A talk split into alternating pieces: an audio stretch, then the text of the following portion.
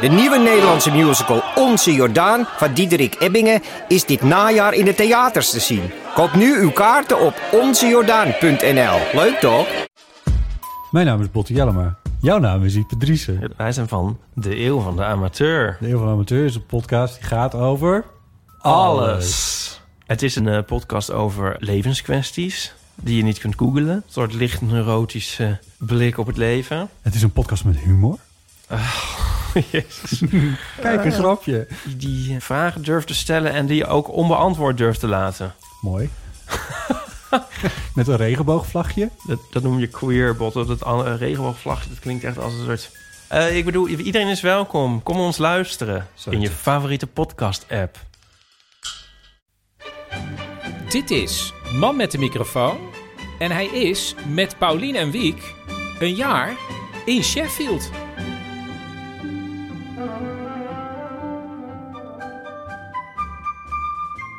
Paulien, we zitten op de bank en ik heb een heel schema hier op een blaadje voor Ja. me. Spontaan. Spontaan toch? Ja. Maar ik dacht, we beginnen wel spontaan met dat we een lekker band hadden vandaag. Wij hadden een lekker band. De ANWB kon ons niet helpen. Die, zei, die, die meneer van de AWB zei, ja, maar u woont helemaal niet in Nederland. Hij moest er een beetje om lachen van, u- dat kan helemaal niet. Toen zei Ja. hij, en er was iemand uit het oosten van het land, die zei die, ik zou gewoon de band eraf halen en aan een dichtbijzijnde garage lopen. Gewoon min of meer je buurman. Hij had het ook nog over het naberschap. Serieus. Mooi. Maar hij kon me niet helpen. Wel heftig dat je een accent nadoet. Ja, kan dat niet meer? Nee, dat kan niet meer. Nou ja, is het, het is met liefde gedaan. Ehm, uiteindelijk hebben we dus zelf de band eraf gehaald. Ja, bleken wij gewoon te kunnen. Thuiskomertje erop gezet. Naar de bandenzaak bij ons om de hoek. Die Toen- man heeft er nieuwe banden opgezet. Want die Nou. bleken eigenlijk allemaal nogal verrot te zijn. Vier nieuwe banden. Klaar, is meteen gebeurd. Ja. Nou. En wat ik ook even wil zeggen is dat we eh, van jouw toekomstige studenten op de universiteit allemaal een brief hebben gekregen. Tenminste, Van de, van, Van- de advanced eh, groep, dus dat zijn de vierdejaars. Die hebben les van Philippe. Ehm, en die heeft ze de opdracht gegeven om ons een brief te schrijven, allemaal. Met, waarin ze zichzelf introduceren ehm, en waarin ze ons tips geven over Sheffield. En dat zijn leuk. hè? superleuke Superleuke brieven. Heel ontroerend ook. Met één jongen die dan zo schreef... Moet ik er even bij pakken? Die, eh, Ja, waarom niet? Wacht, dan kan ik even dat stukje voorlezen.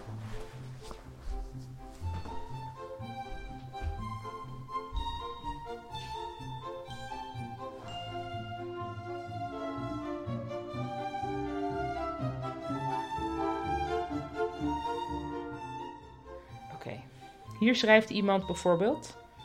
ehm, dus ja, ik ben even hoopvol dat jullie je al thuis in Sheffield voelen.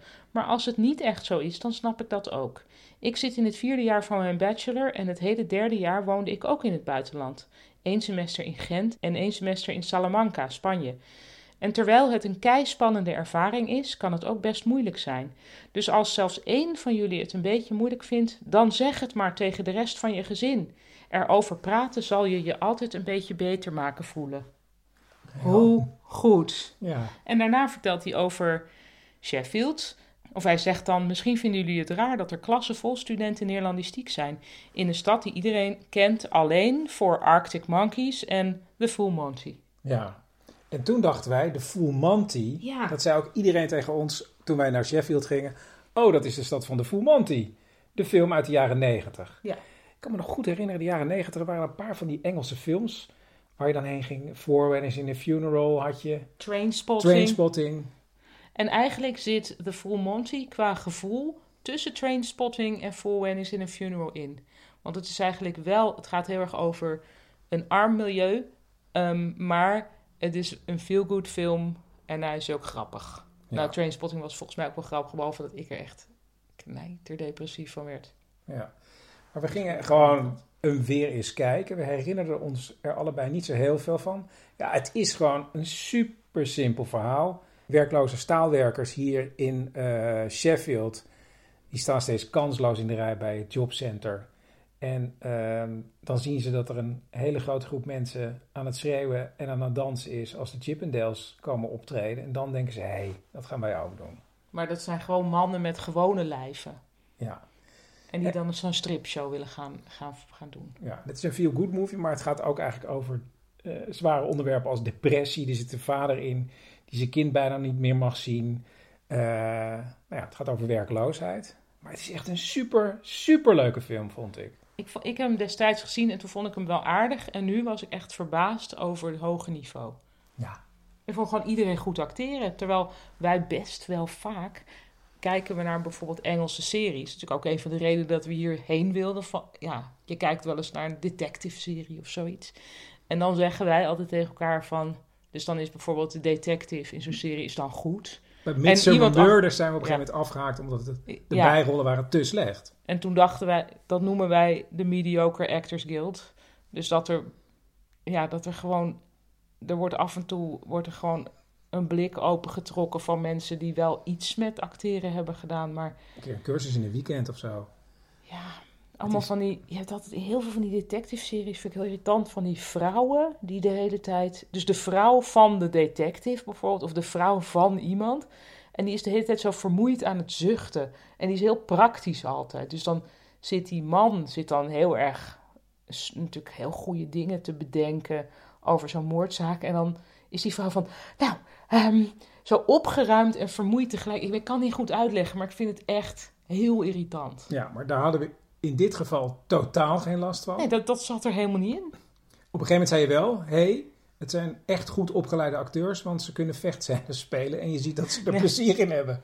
Nou, nee, dat zei ik niet. Ik zei dat ik het altijd irrit... Ook, ja, goed, ik zit blijkbaar met, vol met irritatie. Maar wat ik altijd moeilijk vind aan vechtscènes in het algemeen... is dat je dan ziet... Nou, dus dan zie je zo'n vechtscène... en dan kan ik niet anders dan denken aan de lessen die ze daarin hebben gehad. Dat ze dan stage fighting hebben gedaan... En dat is natuurlijk een soort heel leuke workshop geweest met een heel leuke stage fighting specialist. Dat is superleuk. En dat ja, hebben ze gewoon de rest van hun carrière wat aan. Maar ik zie dus veel te veel ja, het plezier en ook de, het ambacht. En dan, dan ben ik totaal uit verhaal. Er zit één zo'n scène in de Full Monty, maar verder niet. Maar dus daar zat ik even heel erg van, oh ja, we zien hier de workshop stage fighting. ja. En wij zaten ook heel erg te kijken, oh, waar is het in Sheffield opgenomen? Herkennen we het? Ja. Gingen met onze Google Maps erbij zitten en we herkenden best wel veel dingen. Ja, waren ook wel veel dingen weg, maar Ja, er waren dingen, ja, grote energiecentrales weggehaald. Een Ja. oude eh, gasopslag was Maar weggehaald. wat je wel heel goed ziet is eigenlijk ja, eh, veel lage huizen, best wel sommige vervallen stukken en dan de hele tijd op de, in de achtergrond ja, die prachtige groene heuvels die je overal ziet. Ik ging me ook een beetje verdiepen in de film. En wat ik dan eigenlijk altijd ontzettend leuk vind van succesvolle films, dat je dan ziet eh, bij de beschrijving voor hoe, hoe die film ontstaan is. Het is bijna altijd een drama geweest en dan uiteindelijk is het dan toch nog gelukt. En toen dacht ik, ja, dat is het voordeel van een film volgens mij, dat het een soort gezamtkunstwerk is, waar het allemaal op weg naar het eindresultaat mis is gegaan. Of ja, snap je een beetje wat ik bedoel? Nee? Nou, wat ik eigenlijk probeer te zeggen is, als wij iets maken, gaan we ook vaak door een heel diep dal, maar dat is nergens meer terug te vinden. En bij een film is het altijd terug te vinden. Omdat er altijd wel een cameraman Ja. is met een dagboek. Nou ja, of een producent die eh, zegt, ja, maar niemand wil eerst die film hebben, of een regisseur die was afgewezen. Ja. Dus dat is altijd zo mooi gedocumenteerd. Want dit was ook weer een film. Nou, Maar hoezo? Heel, Wat heel weinig kans. Nou ja, Channel 4, dus een zender die had geïnvesteerd in het scenario. Dat was af. Toen zeiden ze, ja, nou, dat, dat gaan we niet verfilmen. Oh, ja. Ehm, en eh, toen gingen ze de film maken. En toen hadden ze de eerste versie klaar. En toen zeiden ze, nee, dit is zo, ja, zo eigenlijk niet goed. Die gaan we rechtstreeks op video uitbrengen. En toen dachten de mensen, nee, nee. Toen zijn ze ontzettend gaan hermonteren. Hebben ze weer een nieuwe versie gemaakt. En toen zeiden ze, nee, maar die is te kort. Mhm. Toen hebben ze nog een extra scène gedraaid. Dat is de scène dat ze eh, gaan sporten op die Oh, eh, ja. velden hier in de buurt. Oké. Ja. Kon één acteur kon ook helemaal niet meer, want dat was drie maanden later. Die zat alweer in een andere film, maar hebben wij helemaal niet gemerkt. En toen, wat deed die film?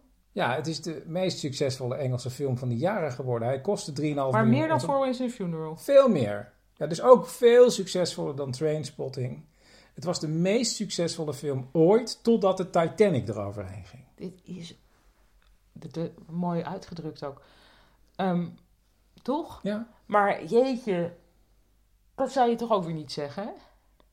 Nee, maar dat vond ik wel het goede. Het was gewoon echt een simpele, doeltreffende film. Ja, Oh ja, hij kostte 3,5 miljoen, meer dan 350 miljoen opgeleverd. nou bam. Bang. Ehm, er is vorig jaar, omdat hij 25 jaar oud was, is er ook een vervolg gemaakt met diezelfde acteurs, maar dan een serie. Daar zijn we eventjes begonnen te kijken. Die vonden we meteen eigenlijk minder goed. Die was meer ja, op de lach geregisseerd, waardoor het eigenlijk minder grappig was. Maar wat ik wel heel tof vond daaraan, en ook wonderlijk actueel, dat het eigenlijk begon met ehm, sinds 1997 zijn we acht prime ministers verder. Ja. Zijn er, en dan wordt er gezegd, zo en zoveel projecten gestart die het noorden uit het slop moeten trekken. Die zijn allemaal ook weer mislukt en niet doorgetrokken. En grappig is dat vandaag eh, Rishi Sunak, de, de, de huidige prime minister, ehm, heeft gezegd dat de hoge snelheidslijn eh, Naar het noorden. naar het noorden van Londen naar Manchester, die zal toch niet doorgetrokken worden vanaf Birmingham. Dus het is echt van wederom, zoals dus wel vaker, oké, noorden. Nou, ehm, zoek het zelf maar uit. En die, dat voel je hier ook wel heel erg. Hè? Dat eigenlijk het sentiment ten opzichte van het zuiden heel erg is van ze bepalen daar maar en ze laten ons zitten. Ik dacht overigens dat de Full Monty een hele normale uitspraak was in Engeland. Zo bekend als hij nu is, was hij daarvoor eigenlijk helemaal niet. De Full Monty. En de Full Monty betekent zoiets als de whole shebang, het hele zaki. Mhm. En eh, ik heb ook nog opgezocht van waar komt dat dan vandaan? En dat zou kunnen komen van een kaartspel, want wat Monte heette. Dus als je dan M-O-N-T-E. Ja, en als je dan de, de pot had gewonnen, dan schreeuwde je Monty of Monte. Mont- Ja, Monte. Ehm, maar het zou ook kunnen komen van generaal Montgomery. Want die man, waar hij ook was, als hij eh, diep in de oorlog was, altijd wilde hij een volledig ontbijt. Dus, en dat werd dan volgens velen de Full Monty uiteindelijk genoemd. Grappig, want ze zeggen ook full English voor, voor het grote, ja, dat grote ontbijt dat wij nooit willen. En eh, de derde is... De derde wat? de derde Uitleg waar het uitleg waar het eventueel van eh vandaan zou kunnen komen. Ehm, dat soldaten, Engelse soldaten, kregen na de oorlog van de overheid een driedelig pak. Een burgerkostuum. De Tweede gaat. Oh, Wereldoorlog. sorry, dat zei je al. Of niet? Weet ik niet. Oh. Nou, na de Tweede Wereldoorlog kregen ze van de overheid een volledig burgerkostuum. Driedelig. Eh, eh, en dat werd de Full Monty genoemd, want eh, de kledingmaker heette Montag Burton. Montague. Oh, Montague Burton. ik wist al van tevoren dat ik het weer verkeerd zou uitspreken. Dat is ook eigenlijk een beetje een, een punt. Ik spreek alles in het Engels verkeerd uit. toch? Nou, dat nou, is niet echt waar. heel veel. We hebben wel voor het eerst gehad dat Wiek jou heeft verbeterd. Ja, dan weer kater, Jij nou? zegt caterpillar. En het is caterpillar. Een rups. nou, weet je, we gaan gewoon meteen door naar Wiek met een weetje. Een beetje van Wiek. Zebra's. Zebra's, hun strepen zijn allemaal apart. Dit is één techniek om te gebruiken voor de roofdieren, zoals leeuwen, hyena's. Een beetje die, ehm, ja, Lion King dieren. Ja, ze spelen ook eigenlijk dezelfde rollen als in Lion King. Alleen zijn dan de leeuw de. Ehm, maar even focussen op het weetje en niet op de film The Lion King. Ehm, die strepen worden ook voor een ander iets gebruikt dan voor het in de war houden van roofdieren door het met elkaar rennen met de strepen op de rug. Het is namelijk ook een soort streepjescode. De zebra-jongen gaan vanaf de eerste dag dat ze uit de buik zijn, studeren, zou je het zo kunnen noemen. Ze kijken de eerste paar dagen of zelfs weken naar, alleen naar hun moeder. Als hun tante of hun vader ertussen gaan sta- staan, is de kans groter dat ze doodgaan. Als ze nou in die winkel, zeg maar, van. gemaakt van, ja, savanne, rotsen, gebergte, naar melk zoeken, moeten ze natuurlijk weten welke zebra hun moeder is. En als ze nou in het begin te veel naar hun vader of naar hun tante hebben gekeken, dan kennen ze de streepjeskoning van hun moeder dus niet heel goed. En dat kan zorgen dat ze hun moeder niet herkennen.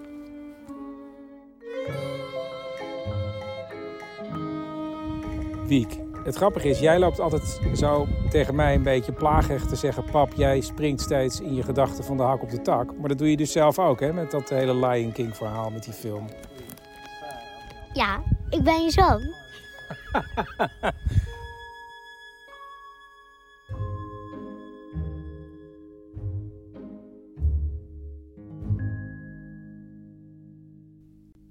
En we zijn weer terug op de bank. Ehm, en we gaan eigenlijk meteen door, Paulien, naar Duco van Oostrom. Een medewerker op de universiteit, hoofddocent bij de School of English. Hij geeft onder andere Engelstalige literatuur. Jij had hem al ontmoet Mhm. en toen ben ik bij hem langs gegaan.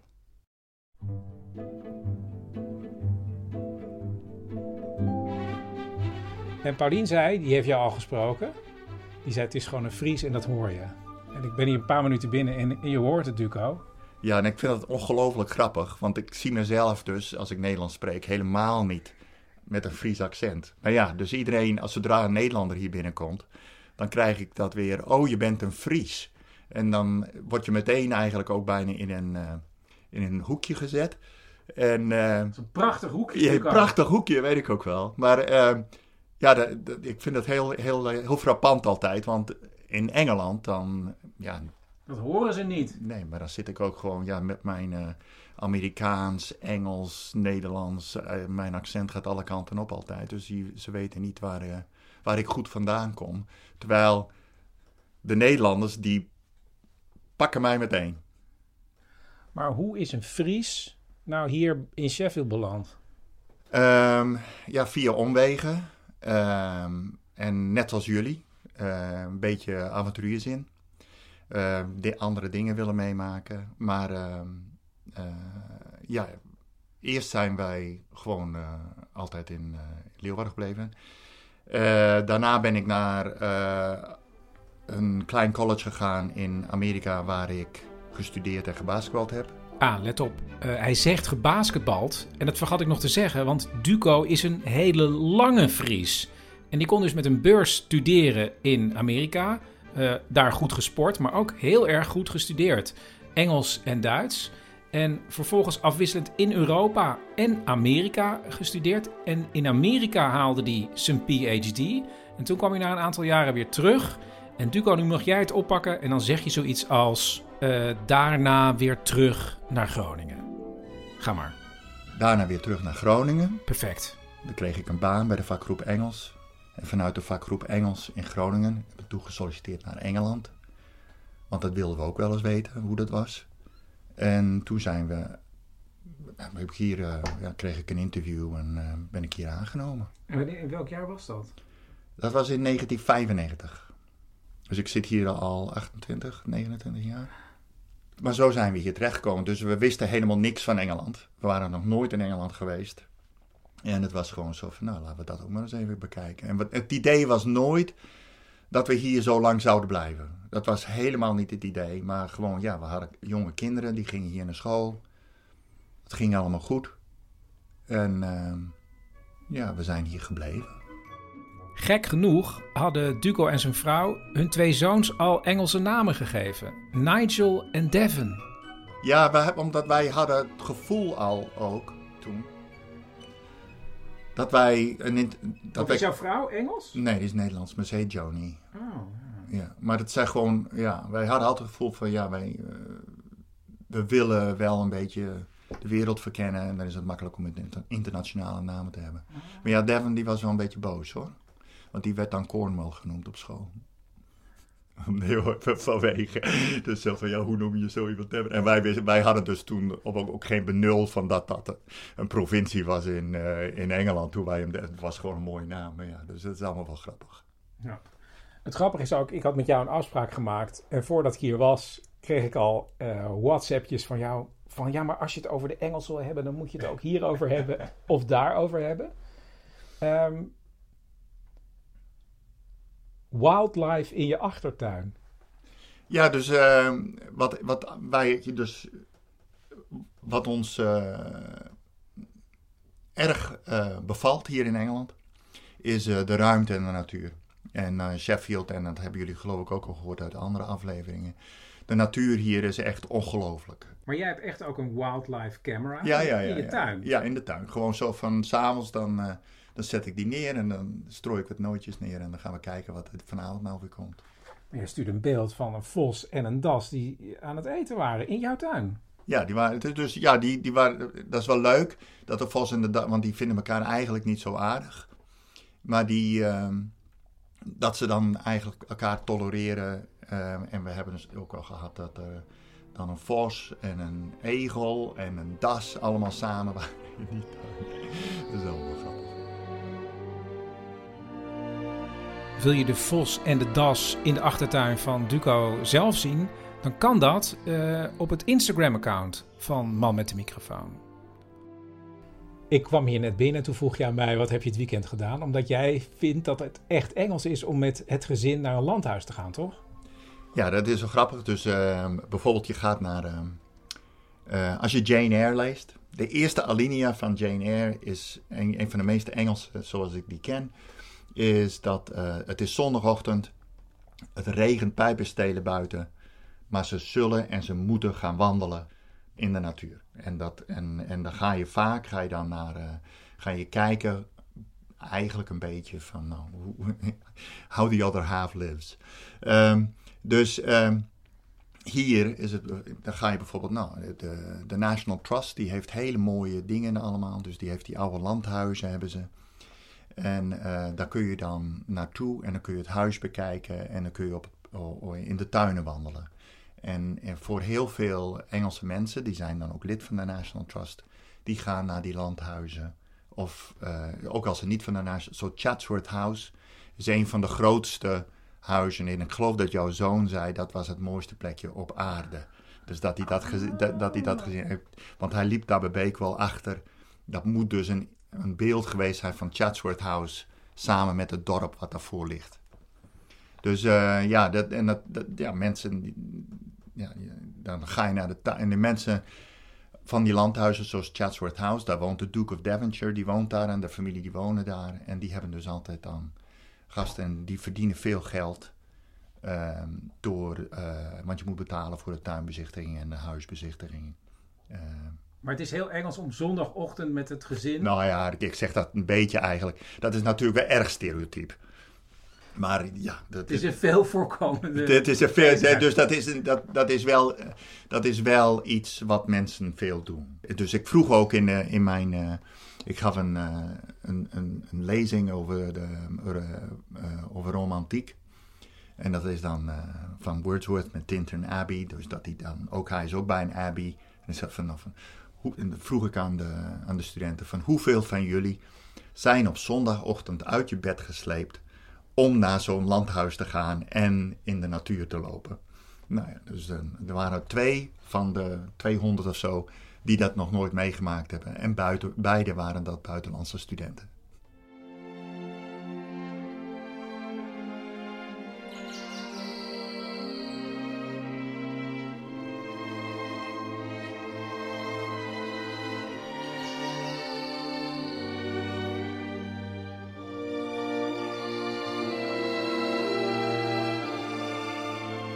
Het landhuis is op de universiteit ook een studieonderwerp. Ja, nou ja, kijk, op het ogenblik zijn wij dus aan het kijken.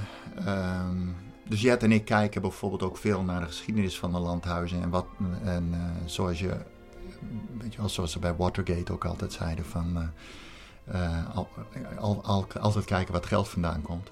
Follow the money. ja, precies. Dus, ehm, en veel, er zijn ve- veel in de 18e eeuw ook eh, gekomen. En dat is natuurlijk wel het moment van empire building in Engeland. Dus een van de boeken die, wij, die ik bijvoorbeeld lesgeef dit, eh, dit semester is Mansfield Park bij Jane Eyre. En, ehm, en die, eh, die schijnt gebaseerd te zijn dan op, op Wye Manor in Wales, waar Wordsworth en Coleridge dan ook wel rondhingen. En die, maar, de, maar de man, dus de, de master of the house, die, eh, die had dus wel natuurlijk plantages in Antigua. En daar moest hij dan twee keer in het jaar, of eh, daar, ging hij dan twee jaar weg. En dan ging hij dus naar zijn plantage in Antigua. Het geld wat eigenlijk uit Antigua kwam, dat werd gebruikt om eh, het echte Engelse leven te bekostigen. En, en het, het zijn ook schitterende huizen. Dus als je naar die oude Georgian huizen gaat en zo. nou, En, en, en zoals van, ja, hier, hier in de omgeving, dus, je, dus er is nog veel voor jullie te doen. In de omgeving zijn er echt geweldige, van, van die hele mooie landhuizen eh, qua kastelen. ehm, waarin je heel veel, eh, ja, als je geïnteresseerd bent in geschiedenis, waarin je heel veel kunt vinden. En, en een van de interessante dingen voor ons ook is, en wat, eh, ik denk dat, ja, ik vraag me af hoeveel dat onderzocht is, is dat die aristocratische families, die hebben heel veel banden ook met, dat zijn ook Nederlandse families. Een van de bekendste namen van Nederlandse adel die opging in de Engelse is die van Bentinck. En dat begon allemaal met Hans Willem Bentinck, een vriend van koning Willem III. En die ging met hem mee toen Willem III ook koning werd van Engeland. En Benting die heeft toen als beloning is hij, eh, heeft hij een groot huis gekregen en een, en een titel, de Duke of Portland. En dat is dus Welbeck Abbey nu. En daar heb je. ehm, en dus er zit dus een hele Nederlandse kant van de familie. Maar als je dan, nou, dan ga je naar de Portland eh, eh, Gallery. En dan zie je dus die, al die oude schilderijen zie je daar staan. En dan zijn ze ook best trots op hun. eh, op het feit dat daar een connectie is met Nederland. Alleen je krijgt helemaal niks te zien over eh, eh, welke landgoeden ze hadden in, op de Caribische eilanden of op Suriname zelf. Dus die geschiedenis, die is Waar het daar geld gewoon. vandaan kwam. Ja, dat, dat, dat staat daar helemaal niet. En waar kwam het geld vandaan? Nou ja, dat kwam dus van de plantages. In het verleden waren de Engelse en Nederlandse adellijke families ook helemaal niet bereid om hun geschiedenis met anderen te delen. Maar het is dus eigenlijk een beetje zo van mensen die zeggen van ja, wij willen niet dat ons verleden openbaar gemaakt wordt. En dat die archieven bijvoorbeeld, dat je kunt zien wat, er, wat wij allemaal gehad hebben. En wie waar was op welke tijd. En dan staat er bijvoorbeeld buiten staat iemand ehm, van ehm Surinaams eh, Ghanese afkomst. En die zegt ja, maar waar zijn mijn ouders dan? Waar, zijn, waar komen die vandaan? Wie, welk schip heeft mij hebben mijn ouders hier gebracht. Waarom vertel je mij dat niet? En toch is er in Engeland de laatste jaren een kentering te zien. Het wordt iets beter, denk ik, omdat mensen meer geld nodig hebben en dat ze alleen maar geld krijgen als zij hun archieven openen. Dus zoals de National Trust bijvoorbeeld, van ja, dat is gewoon een verplichting om, eh, om ook met de, met de archieven te kunnen werken. Maar ja, er zijn eh, genoeg van de families die. eh, ik denk niet dat het Engelse Koningshuis bijvoorbeeld alle archieven opengegooid heeft. Tot zover deze aflevering. Reacties kunnen naar manmetdemicrofoon.gmail.com. En ik heb dus ook een Instagram-account waar dat filmpje van Duco met de vos en de das op staat. En dat was het. Tot volgende week.